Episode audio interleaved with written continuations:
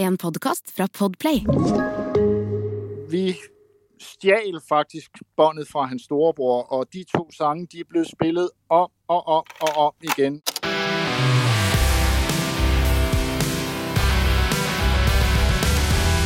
Gammal Maiden. I'm good talking. So you're using your phone right now? Yeah, because because my iPad is, is too old, so I can't um, I can't connect through the iPad. It's way too old. Yeah, okay. You want to do this in English or uh, should we try Norwegian and Danish?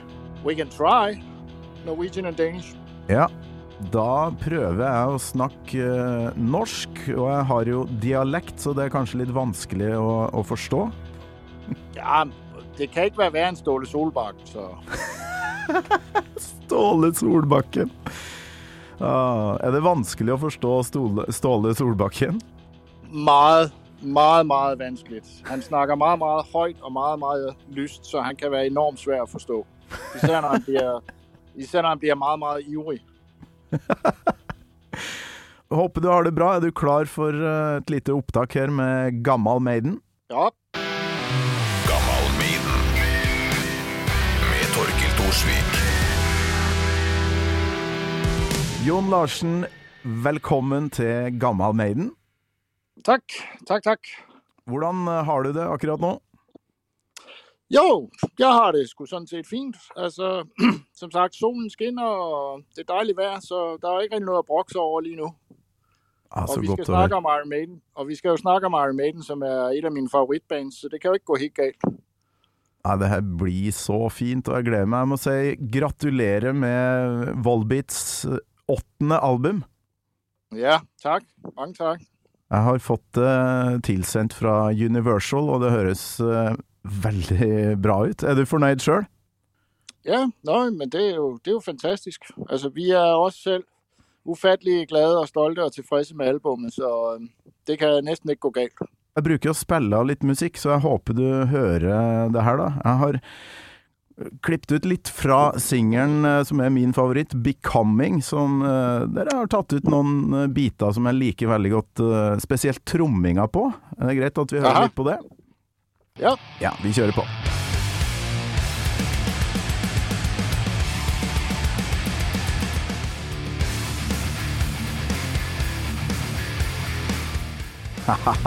pieces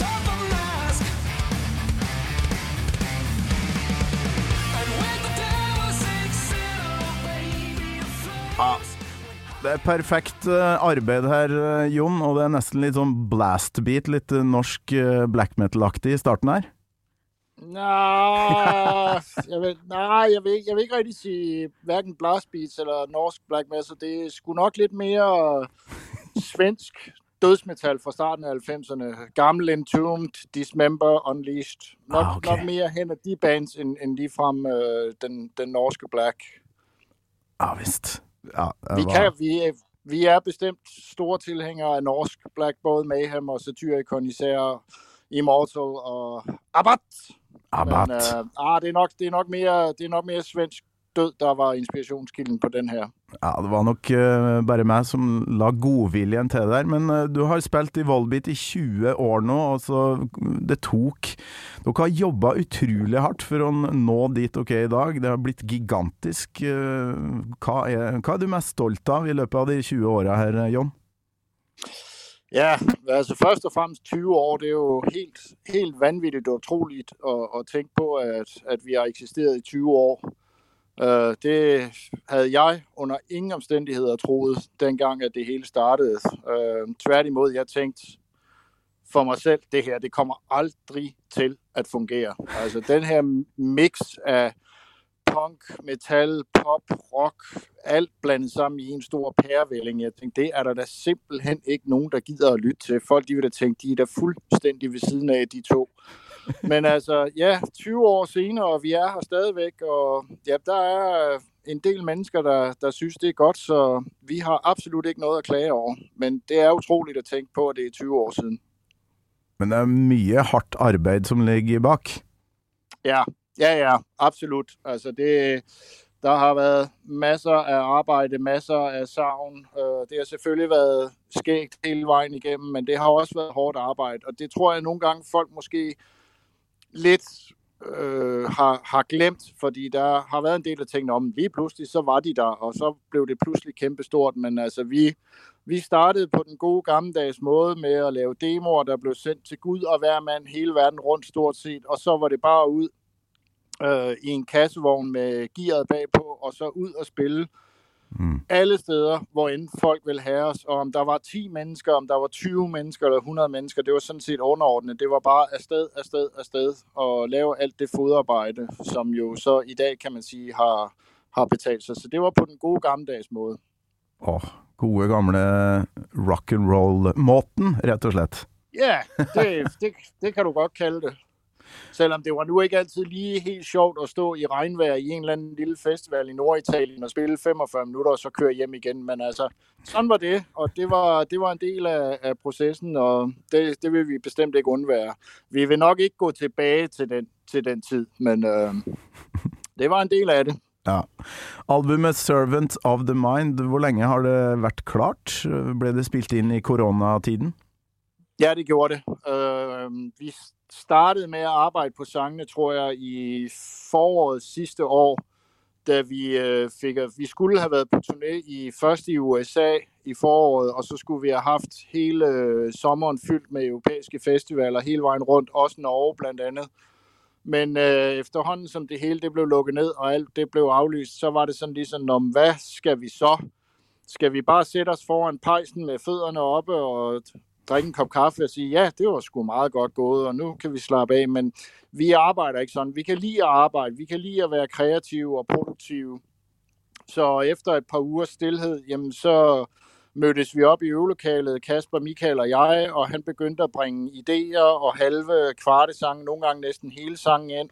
Og før vi vidste af det, jamen, så havde vi faktisk fået en 12-13 sange ned, mm. som vi så øh, øh, indspillede. Vi lavede nogle demooptagelser sidste sommer, egentlig mest bare for at have det for os selv, fordi hvis der nu skete et eller andet, så havde vi da noget, vi kunne bruge, men så blev det faktisk til, jamen altså prøv at høre, vi indspiller simpelthen øh, om efteråret, tidlig vinter, der indspiller vi, og så, ja, hvis der så ikke sker meget andet, så har vi da i hvert fald et, et album liggende, og det er jo så det album, der faktisk kommer ud nu her den 3. december. Mm. Så utrolig eh, godt det må være. Eh, Det her går jo veldig fint. Jeg forstår eh, dansken ganske bra. Jeg har akkurat sett ferdig Castanie Man, så da, så da er det god trening i dansk her. Ja, jo, okay. Ja, Kastanjemanden. Ja, Den god. så jeg også. Jeg, var, jeg synes, den var lidt kedelig, men det er så min holdning. Begynner å bli litt lei av sånn Nordic noir-greie nå. Ja, jo, jo, bestemt da. Men nå skal det handle om eh, nostalgi, det skal handle om eh, mitt eh, favorittband da jeg var 10-12 år gammel. Og da får du, Jon, det faste spørsmålet som alle gjester får. Husker du den første gangen du hørte Iron Maiden? Ja, ja, det gør jeg faktisk, fordi at jeg havde en skolekammerat, hvis storebror havde et mixbånd. Det var jo dengang, man mixede bånd jo, med, hvor man blandede alt muligt sammen. Hmm. Og der var to sange på med noget, som jeg aldrig havde hørt før. Øhm, og det var faktisk Number of the Beast, og det var Run to the Hills. Ah, ok. Og det var, altså, vi stjal faktisk båndet fra hans storebror, og de to sange, de blev spillet om og om og om igen. Altså, og især starten af Beast var vi helt syge med, fordi Bruce jo har det der nærmest legendariske skrig i introen, som er tæt på Roger Daltrey's i Won't Get Fooled Again, så vi var helt op og støde.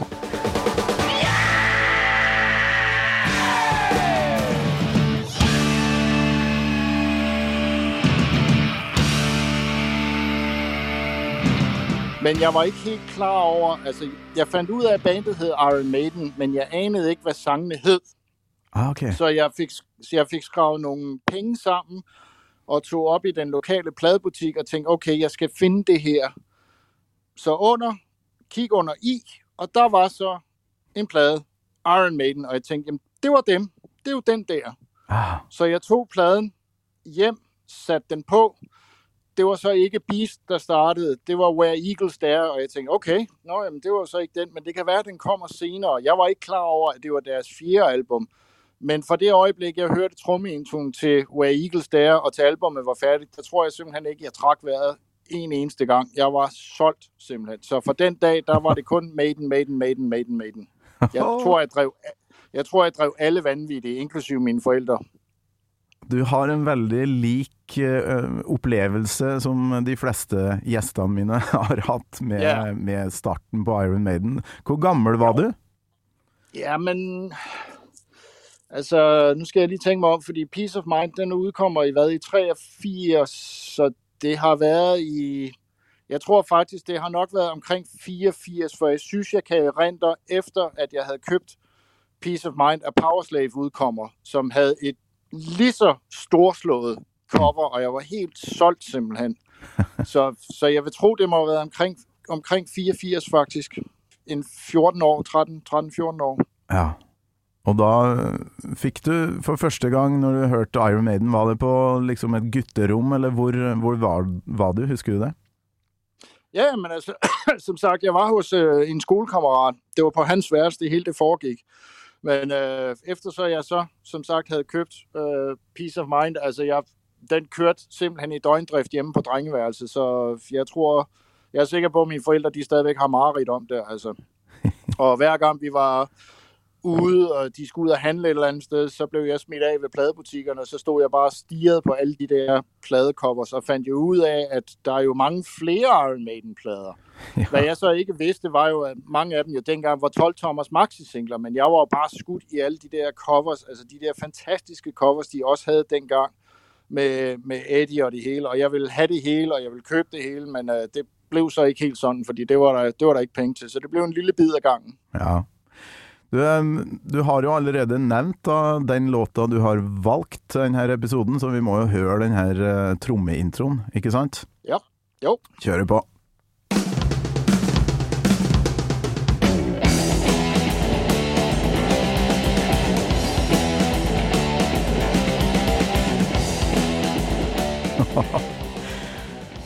Og da var du en 13-14 år og ble helt fjetra. Hvor vi viktig har Iron Maiden vært for at du ble da trommeslager eh, sjøl? Ja, de, de er selvfølgelig, altså, de, de har jo haft en pæn indflydelse, fordi altså, Maiden var, var nok noget af det første sådan øh, hård rock metal, jeg hørte. Øh, jeg hørte Kiss inden da, øh, og Eric Carr for Kiss var, var bestemt også en, en stor øh, inspirationskilde, men det er klart, når man hører sådan noget som det intro der, og man tænker bare, okay, det her, det, det er del med noget andet. Altså, det er sgu sådan, de store drenge, de spiller. Øh, så altså både Nico og, og delvis også øh, Clive Burr har været en, en inspirationskilde, fordi jeg, jeg brugte meget tid på at sidde hjemme, ud over at lytte til pladerne, men så sad og spillede, prøvede så vidt muligt at spille efter pladerne. Mm. Og det er jo klart, at eftersom som Maiden jo nærmest åbnede en, en hel dør for en helt anden musikgenre, jamen så har jeg også brugt oceaner af timer på at prøve at lyde både ligesom Nico og, og Clive for den sags skyld. Ja. Og, og nej, jeg kan ikke lave den intro, han laver i Way Eagles der. Har du øvd, eller prøvd å spille eh, Where Eagles There eh, mange ganger? Uh, ja, jeg, skal vi ikke bare sige, at jeg har prøvet, og jeg fejler miserabelt hver evig eneste gang. Det er jo første låta verden på sett og vis fikk høre, med Nico McBrain på, på tromma. Har du en favoritt-trommis i Maiden? Clive eller Nico? Oha. Altså, det, det, det er sgu...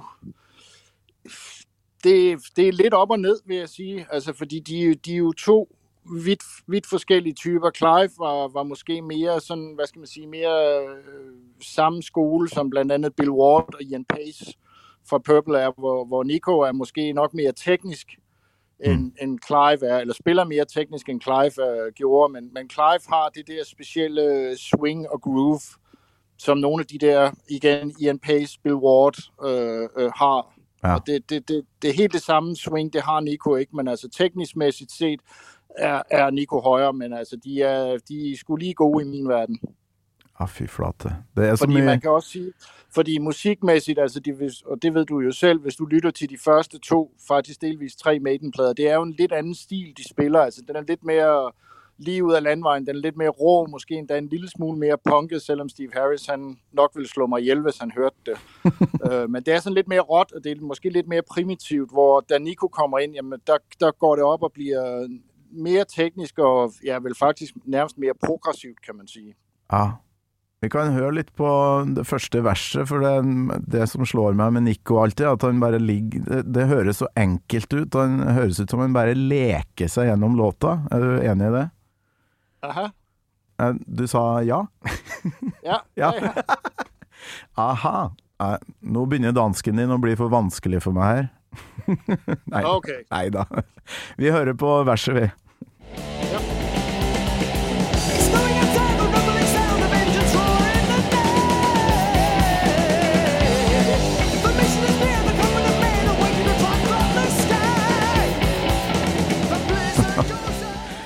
Å, det er så deilig å høre på. Det høres så enkelt ut. Ja, men øh, jeg, jeg, jeg ved sgu ikke lige helt, hvor, hvor enkelt det faktisk er, når man oven i købet tænker på, at, at på Peace of Mind-turnéen, der åbnede de med den sang hver evig eneste aften. Altså, jeg mener, værsgo, sæt i gang. Altså, der foregår utrolig meget trummemæssigt i den sang. Det er utroligt, at hans fod og hænder ikke er faldet af. Altså. Mm. Vi skal inn i refrenget en liten snartur her. Skal vi se.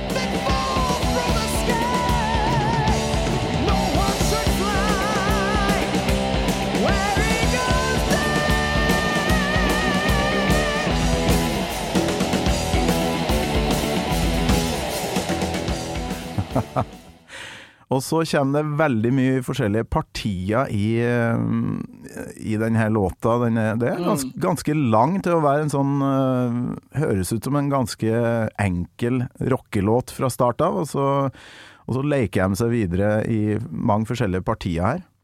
Ja, ja det, det, det, det gør den altså. Det er jo, altså det er jo både for Nikos vedkommende og Steve Harris' vedkommende, de to, de følges jo ad, så hvad Steve han spiller, det spiller Nico jo faktisk efter ham, hvis man skal sige sådan, ikke? Så det er, det er, det er, det er hårdt arbejde, det der. Det er der ingen tvivl om. Og så ble du trommis sjøl. Jeg har lest at du har eh, spilt i ganske mange band før Volbeat, men du, du ga det litt opp uh, eh, i noen år. Hva jobba du med før Volbeat ble et band? Ja, øh, jamen altså, jeg, jeg var med i nogle øh, thrash bands og death metal bands, som, som vi jo stort set alle sammen var på det tidspunkt, men altså, det var, det var bands, der ikke kom nogen steder. Det var bands, der ikke rykkede sig nogen steder. Øh, og så var det sådan lidt, nå ja, men det var, det var nok egentlig det, og så kom jeg i tanke om, det kunne også være, at jeg skulle have mig et arbejde, så jeg kunne tjene nogle penge. Hmm. Det var jo nok ikke nogen dårlig idé, så jeg kunne blive ved med at købe Maiden-plader, for eksempel, ikke? Ja. Øhm, så jeg tænkte bare, nå, men det var jo det, og så fik jeg mig et arbejde, og alt det der, og egentlig var, ja, jeg tænkte ikke så meget over det, det var, det var nok bare det. Øhm, og så ringede Michael en dag, og så siger han, hvad, har du stadigvæk dine trommer? Øh, jo, ja, jo, de står der et eller andet sted og har samlet støv. Det, puh, det, ja, det mener jeg da, jeg har. Og så synes jeg, du skal lige støve dem af, fordi at, øh, jeg har lige lejet mig ind i et øvelokale, og jeg skal lige bruge en, der bare lige kan spille noget simpelt to og fire. Ja. Fordi jeg har nogle idéer, jeg skal afprøve. Nå, ja, okay. Så måtte jeg jo grave dem frem og få transporteret dem ud i det der lokale, han havde lejet, og få sat det op, og jamen, så begyndte, så viste han mig nogle ting, og sådan noget, hvad han havde af idéer, og jamen, så startede det egentlig derfra, men altså, for at sige det pænt, så var jeg rimelig rusten. Men altså, han må jo have set et eller andet, og han må jo have haft tålmodighed nok til at tænke, okay, hvad der er, ham der, det er fint nok, ham napper jeg. Men den herre Dere lager en sånn blanding av uh, mange forskjellige sjangre. Hvordan fant dere fram til den, eh, den derre helt uh, ja, unike Jamen- Volbeat-stilen? Jamen altså, det, altså som sagt, det startede med, at han viste mig nogle ting, og de første ting, han viste mig, de havde sådan en, øh, hvad skal man sige, sådan lidt Black Sabbath-agtig ting over sig. Ikke at det var Sabbath, men, men selve feeling og ideen var sådan lidt Sabbath-agtig, og jeg tænkte, nå okay, ja, nå, det er den vej, du vil gå. Det næste, han viser mig, det havde sådan en øh, mere punk, pop, Punk, Bad Religion, Offspring, Green Day ting over sig. Jeg tænkte, nå, okay, ja, ja, det er da også meget interessant. og så havde han et tredje riff, som var nærmest skåret ud af Metallicas sangbog. Og jeg tænkte, nå, okay, jamen, så spiller vi da lidt metallica -agtigt. det, det kan der også et eller andet. og så sad vi og snakkede lidt, og så siger jeg, nå, jamen, altså, hvad vej vil du gå? Skal det være det, det eller det? Så sagde han, det vil jeg simpelthen skrub skide på. Jeg vil spille, hvad der passer mig. Og hvis det er punkagtigt, så er det punkagtigt. Hvis det bliver metalagtigt, så bliver det metalagtigt. Vi blander alt sammen. Og jeg er fuldstændig ligeglad, hvad folk de mener. Det er det, vi skal spille. Og det er faktisk sådan, det hele det er startet. Og det er stadigvæk sådan, vi kører i dag. Alt bliver blandet sammen i en stor pærevælling. Ah, visst. Vet du om Michael har uh, hørt noe særlig på Maiden? Ja, men det, jo, jo, det gjorde han, altså, da, da han var yngre. Altså, han købte også Maiden og alle Marxierne og alt det der. Han dummede sig bare og solgte det hele for, for, for mange år siden, og det fortryder han lidt bitterligt i dag, fordi især de der 12-tommer singler, de er møg svære at få fat i, og hvis du egentlig finder dem, så betaler du næsten en halv arm for dem, ikke? Så, så det ja. fortryder han lidt bitterligt, men altså jo, vi lytter da selvfølgelig stadigvæk til Maiden. Vi er begge to helt op og køre over det nye album. Vi synes, det er et af de bedste albums, de har lavet i overvis. Så den har ligget trofast øh, på diverse playlister i vores backstage-rum. Der har været noget fra den nye Maiden. Ja vist. Det er jo um, vanskelig å finne øh, så veldig mange uh, ja, veldig tydelige Iron Maiden-nikk øh, i Volbeat-katalogen, men jeg, jeg tror jeg har funnet et, et som jeg synes høres veldig Maidensk ut. The Hangman's Body Count. Skal vi høre på den? Okay, spændende.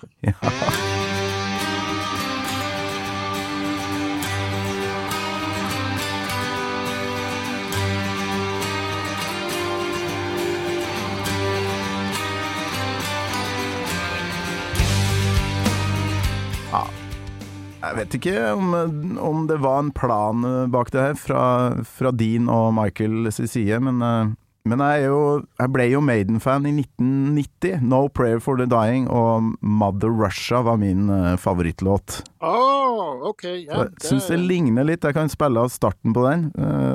Hør på der. Ja.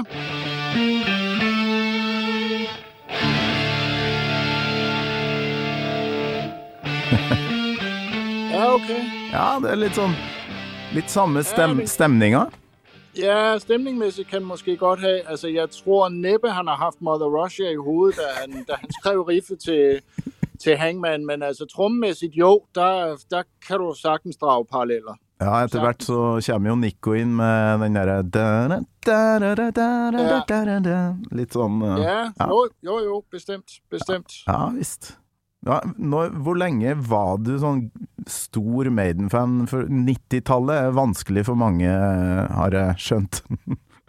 Ja, altså, jeg, jeg vil sige sådan, da, da, de, da, da The X-Factor den kom dengang, øh, der købte jeg den og satte den på og sagde til mig selv, hvad i hede hule helvede er det? Det æder med mig ikke Maiden, det der. Det var da den mest underlige stemme, jeg længe har hørt, og jeg tænkte, produktionen er dårlig, og jeg tænkte, nej, nej, den er helt gal. De har da trådt fuldstændig skævt, så, så de, de år, kan man sige, med Blaze Bailey, der, der, der må jeg indrømme, der fulgte jeg ikke rigtig med. Jeg, fik, jeg var heller ikke inde og se dem live med Blaze Bailey, og det var egentlig ikke, fordi jeg ikke ville. Jeg tror bare, at det, det røg ud i baghovedet. Jeg tænkte, ah, det, det går sgu ikke, det går ikke helt så godt. Men jeg vil så sige, at i dag, der er faktisk The X Factor, det er faktisk en af mine favoritplader. Ja. Jeg synes, den har en helt øh, unik stemning over sig.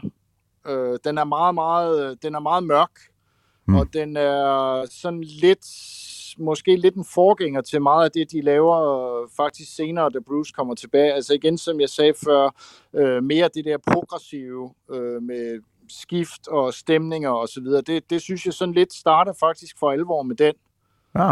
Øh, og altså, jeg, har, jeg kan sgu sagtens holde ud og høre på, på de to plader med Blaze. Det har jeg ikke nogen problemer med. Jeg synes faktisk, der er nogle virkelig øh, gode numre gemt i, øh, i de år. Øh, jeg synes jo, et nummer som Sign of the Cross er et fantastisk nummer, og jeg var kisteglad, da jeg så dem på The Legacy of the Beast-turen, hvor de faktisk spillede Sign, of the Cross, og jeg tænkte, sådan, det er, sat, det er sgu godt, det der. Jeg synes også et nummer som, øh, øh, hvad hedder den, Future Real, er lidt gemt, gemt lidt hen i skyggerne. Det synes jeg faktisk var, var et ret fedt nummer. Man on the Edge øh, kan jeg faktisk også rigtig godt lide. Øh, jeg ved, de har spillet, spillet dem live øh, i en kort periode, da Bruce kom tilbage, fordi jeg kan ikke huske, der er, det på B-siden til The Wicker Man, der mener jeg, der er live-versioner af, af lige præcis de to numre med Bruce. Ja. Og øh, det, det lyder jo det lyder sgu også pisse godt. Altså, jeg vil nogle gange ønske lidt, at de to måske et par af de numre ind igen, men altså, de har jo efterhånden så stort et katalog, og de, mange, mange er jo ikke synderligt interesserede i at høre sangene for den tid, så det, det giver måske meget god mening, at de ikke gør det, men altså, igen, du kan nok ikke stille alle folk tilfredse, fordi der vil altid være folk, der også siger, hvorfor spiller I ikke Mother Russia? Hvorfor spiller I ikke Man on the Edge? Hvad med Public Enemy number one? Og så videre, så videre, så videre, Ja. ikke? Men man kan ikke få alt. Nei, du høres ut som en utrolig dedikert f fan, rett og slett, som har eh, gitt Maiden nye sjanser, til tross for at du fikk eh, dårlig møte med X-Factor første gangen. Ja, ja. Å, ja, ja, men altså, det er altså bare fordi, at, at de, de måske lige trådte ved siden af en enkelt gang, så skal man jo bestemt ikke afskrive dem. Altså, absolut nej. Øh, og jeg kan da godt fortryde lidt i dag, at jeg ikke lige fik, fik hævet mig selv op ved hårrødderne og så dem med Blaze. Det kunne da have været ret interessant. De spillede blandt andet i København foran, jeg tror, var der 15 i en, i en venue, hvor der var plads til 1500 mennesker. Det, må, det kunne faktisk have været ret interessant at se. I dag der spiller de jo store stadions og kæmpe arenaer og sådan noget, Mm. som de også skal, fordi det er det, de hører hjemme. Men det kunne have været lidt sjovt at se dem i, i mindre steder. Jeg tror faktisk, sågar, det ved du måske, at kan det passe, de spillede på Rockefeller i Oslo? Ja, det var, jeg tror det var Sentrum Scene i Oslo. Og Centrumscenen, okay. Ja. Og det, Ja, det er ganske spesielt å, å tenke på Steve Harris, på Nico McBrain på den lille scenen på Sentrum Scene. Det, det skulle Ja. jeg likt å sett. ja det, kunne, det, kunne været, det kunne været ret interessant at se, men det, det sker nok ikke mere. Det tror ikke jeg heller. Du- Volbeat headlina jo Trondheim Rocks sammen med Iron Maiden. Får du, får du møtt gutta i Iron Maiden noen gang når du er på turné? Nej, vi, vi har mødt Nico øh, for nogle år siden. Øh, vi spillede en festival i Grækenland, Mm. hvor de var headliner samme dag, som vi var der. Øh, vi spillede så på modsat siden af dem, Ok. men øh, hvor vores, kan man sige, øh, område, altså backstage-område, det var faktisk lige foran deres område, så vi stod sådan lidt i løbet af dagen og tænkte, åh, oh, det kan være, at vi ser dem, og ui, nej, der er Bruce kraftet, men nej, der går Bruce Dickinson sgu. Hold da bare helt op, der er han jo. Og så næste, næste, næste bemærkning, det var, gud, hvor er han egentlig lille. Han er godt nok ikke ret høj. Men, øh, men altså, det var det, men pludselig så gik forhænget til side, og så stod Nico der. Oi. Ja, det var sådan lidt, hold da op, det skulle hold kæft, det er Nico McBrain, mand. Nej, altså, han, han var lige ude og sige hej og dag, og han stod og sludrede med os i, i nogle få minutter, og, og så, så gik han, og det var, det var sgu bare sådan, hold da op. Og for at det ikke skal være løgn, så stod jeg faktisk med en trooperøl i hånden. Øh, og det var, en sådan, det var en ret tilfreds med, oh, you're drinking the good stuff. Ja, det, det gør jeg. Så, så, så nej, Nico er den eneste, vi har mødt. De andre har vi set gå forbi, men øh, det, det er også det. Vi har for mange år siden spillet en anden festival. Jeg tror, det var i Polen, Mm. hvor de også var headliner, men, men altså, der var vi så tidligt på, og vi skulle afsted med det samme igen, så der fik vi ikke set dem, men vi, fik, vi gik lige om bag scenen og så, hvordan det hele så ud bag i. Det var sådan set, wow, det er sådan, det, er sådan, det ser ud. Og så har jeg faktisk fået lov til at sidde bag Nikos trommer i 10 sekunder. Å ja. Sådan cirka. Ja, men det var, de spillede Copenhagen øh, her i Danmark for nogle år siden, og så, øh, øh, fordi Anthrax spillede lige før dem, og det, vi kender jo Anthrax og har turet med Anthrax og så videre, og så havde vi backstage pass og alt det der. Ja. Og så vores øh, daværende bandassistent, han siger til mig, hey, du skal lige komme med, du skal lige komme med. Nå, ja, jamen, så går jeg da lige med. Jeg tænkte, nå, jamen, vi går bare bagom, så vi kan se Anthrax. Så står øh, Nikos øh, tæk der, og så siger han, om det er dig for Volbeat. Jamen, det er mig. Så trak han lige forhænget til side, og der står jo så mesterens sæt, ikke? Og så sagde han, sæt dig ned bag ved sættet, og jeg bare sådan, det kan jeg da ikke, det, det er hans sæt. Jo jo, sæt dig nu bare. Så sad jeg der og lignede en lille dreng, der havde, der havde fået rene superkarakterer i skolen, ikke? Og så lå der et par tromstikker på hans ene tam, og jeg tænkte, tør du? Og så kigger jeg lige op, nej, det er nok ikke nogen god idé at tage de stikker, og så bare hamre det bedst, jeg har lært. Så det var bare sådan, ej, jeg, jeg, jeg tror, det er fint, men øh, min kone tog et billede, og det har jeg et eller andet sted, hvor jeg sidder bag hans trommer. Jeg ligner simpelthen årets gladeste julekris. Altså. Men så fik jeg et sæt stikker og et svedbånd af hans tekst, så det var, jo, det var jo helt fint. Og de sidder pænt op på væggen i dag.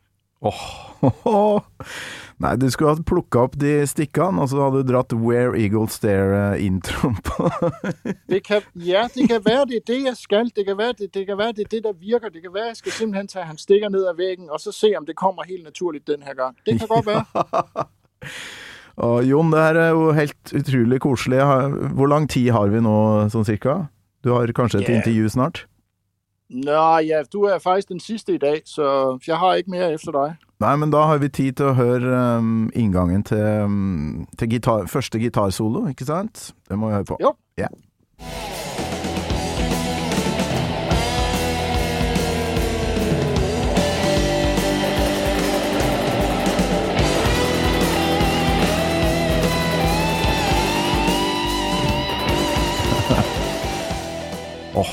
det er jo nydelig stemning her, og så er det noe maskingevær her. Um, Ja, ja, ja, ja. Der, er jo- der, mangler ikke, der mangler ikke noget, men altså, det var faktisk ret svært for mig, da jeg fik mailen fra Justin om, at jeg skulle vælge et, et favoritnummer, og det, der havde jeg bare sådan, puha, det er godt nok ikke nemt, fordi de har simpelthen lavet så mange stærke numre igennem, ja, hvad er det, 40 år efterhånden. ja. Øh, men altså, Wagels der har bare, altså nok fordi det var det første, jeg sådan rigtigt altså, fik gennemlyttet, og altså alene at sætte, ja, du ved, LP'en på dengang, og så høre den trommeintro, og selv være inspir- en lille spiger, der gerne vil spille trommer, og så høre det der, ikke? Jamen, så er man jo bare solgt. Men altså, jeg kunne også have valgt et Ja. hav af andre numre, altså.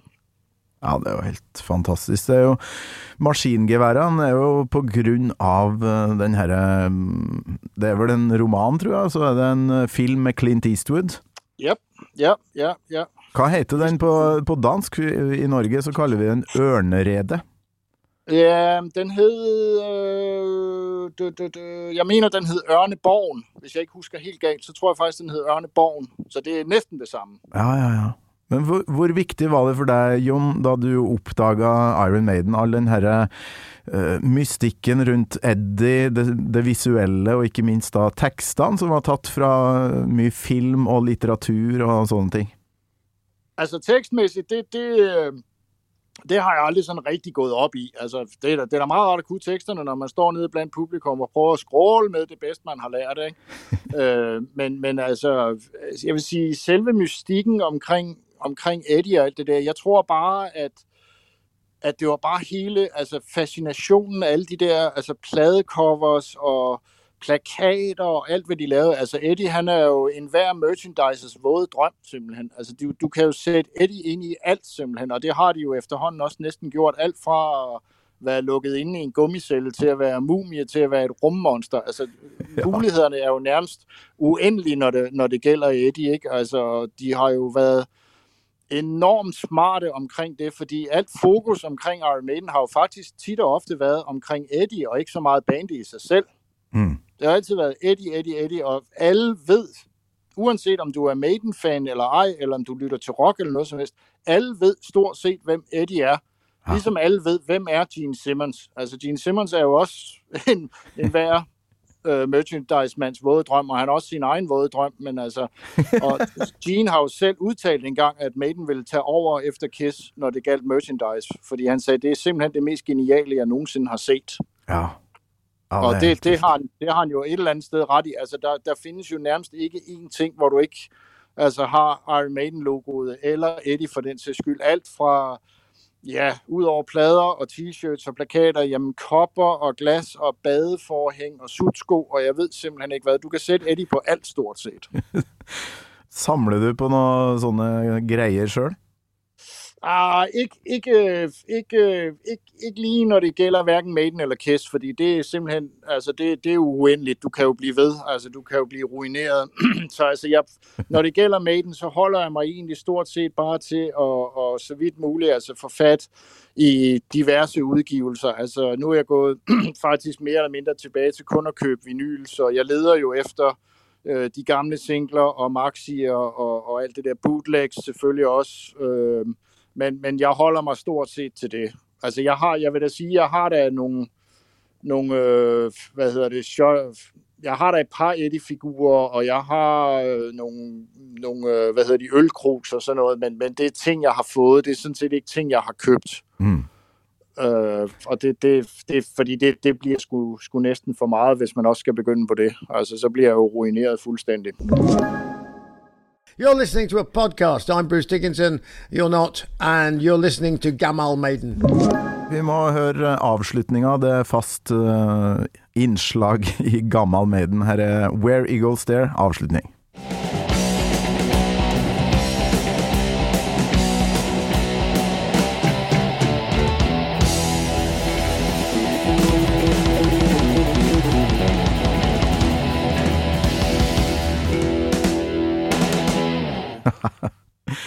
Ja, det, det er sånn rockelåt skal avsluttes. Yep, lige præcis. Oppskriftsmessig. Men Ja, er spiller ikke du eh, også på uh, peistesymbaler? Ja, det gør jeg. Ja, ja, ja. Jeg tenker kanskje da du og Nico møtes på sånne peiste-conventions. Øh, Jeg har faktisk aldrig deltaget i sådan nogle conventions, så, så det er ikke sket endnu, men det kan da være, det, det, det sker engang i fremtiden. Jeg ved ikke rigtig faktisk, hvor meget øh, der er sådan noget mere. Altså, jeg tror, den helt store over i USA, den der hedder NAM, den bliver vist stadigvæk holdt, men jeg ved, man havde en i Tyskland, nede ved Frankfurt, men den mener jeg ikke, den bliver ikke holdt mere. Og sådan en musikmesse. Ja. Men øh, det kan da være en dag, at det, det sker, det ved man aldrig. ja. For du, er du sponsa, eller hvordan fun fungerer det der? Ja, ja det er jeg. Det er jeg. Ja.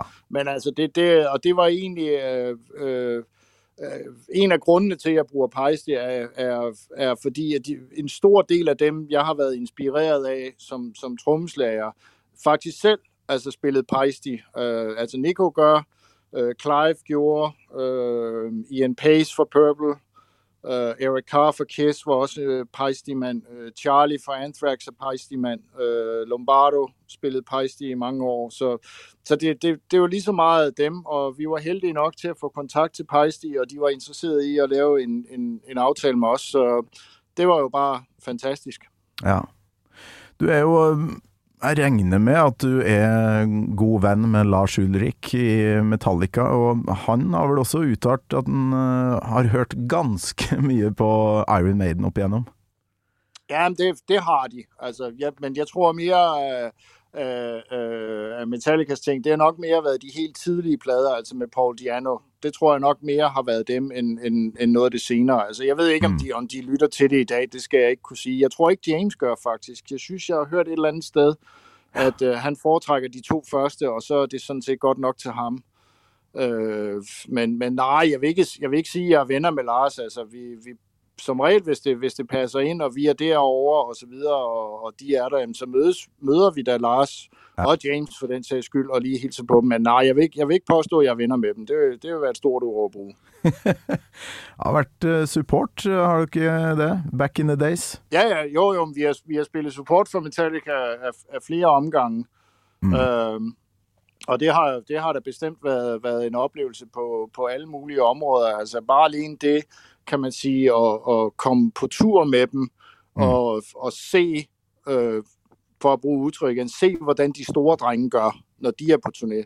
Hvordan hele øh, deres setup det foregår. Altså det har jo for os også været lidt af en øjenåbner, så man kan sige, okay, det er sådan her, de gør, det er sådan, de gør. Okay, det kunne være, at vi lige skulle tage et lille notits af det, og så se, om det er noget, vi, vi, kan, vi, vi kan gøre samtidig, eller gøre noget lignende, eller et eller andet. Så, så de, på den måde øh, har Metallica bestemt, altså udover at være en stor hjælp for os øh, med hensyn til USA, jamen så har det jo også været, som jeg sagde, en øjenåbner at se, okay, det er sådan, de store bands gør, når de turnerer. Det er sådan, det hele det foregår. Det skal vi altså lige have, have i mente. Ja. Blir det, øh, blir det en ordentlig release-turné etter hvert på Volbeat nå? Jamen altså, vi har, øh, vi har en turné i starten af næste år, men det er så i USA sammen med Ghost og øh, øh, noget, der hedder Twin Temple. Ja. øh, en co-headline-tur med Ghost, og øh, efter det så går jeg stærkt ud fra, at øh, vi skal hele sommeren rundt øh, på festivaler i, i Europa. Øh, det er i hvert fald planen, og så kunne jeg da forestille mig, det er ikke noget, der er op at vende endnu, men jeg kunne da levende forestille mig, at så skal vi jo nok ud selv på et tidspunkt. Vi har jo en ny plade ude, så den skal vi da ud og præsentere. Nei, men Vi fortsetter i hvert fall å spille Volbeat på Radio Rock her, for det er et stort publikum i Norge, altså. Jo, jo, men altså publikum er, er også vokset betydeligt de senere år i Norge. Altså jeg husker da, at vi både spillede øh, øh, jamen, Centrumscenen, som vi snakker om før, kan jeg huske, vi har spillet, og vi spillede, øh, hvad pokker hed det?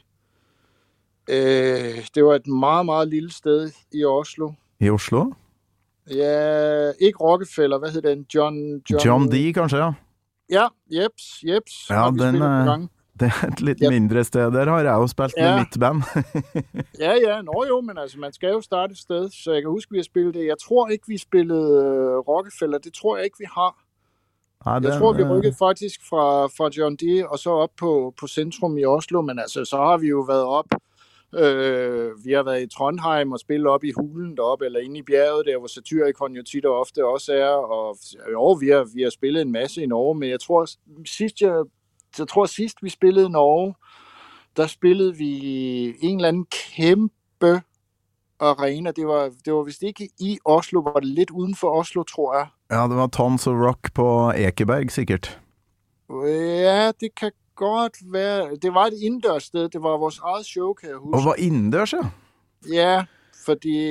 Åh, hvad pokker hed det? Telenor, kanskje? Ja, det tror jeg faktisk. Jeg tror, det var Telenor Arenaen. Ja, ja, Det ja. tror jeg, det var. Ja, det er en stor tror, arena. Ja, fordi vi har jo også spillet... Øh, øh, hvad pokker hed Den store i Oslo, ved siden af hotellet. Hvad pokker er nu, den hedder? Oslo Spektrum, kanskje? Spektrum. Ja. Præcis, ja. Spektrum har vi spillet på gang, men Ja, ja, jeg tror, du har ret. Jeg tror, det var Telenor Arenaen, vi var rykket op i, og den var del med stor. Ja, den er gigantisk. Det. Ja, det, det var den. Jon Larsen, det her har vært eh, utrolig koselig. Det er godt å høre at vi kan forstå hverandre over grensa her. Ja, ja. Ingen problemer. Nei, det var, det var veldig enkelt. Så Ja. Jamen, det har været fint. Rigtig, rigtig fint. ja, tusen takk for at du uh, kunne være gjest i Gammal Maiden, og så må jeg si lykke til med Servant of the Mind fremover. Jo, tak. Jo, tusind tak. Tusind tak. Og vi glæder os til at komme, komme tilbage til Norge og rykke hovederne af. Gammal Maiden med Torkel Thorsvik. En podkast fra Radio Rock.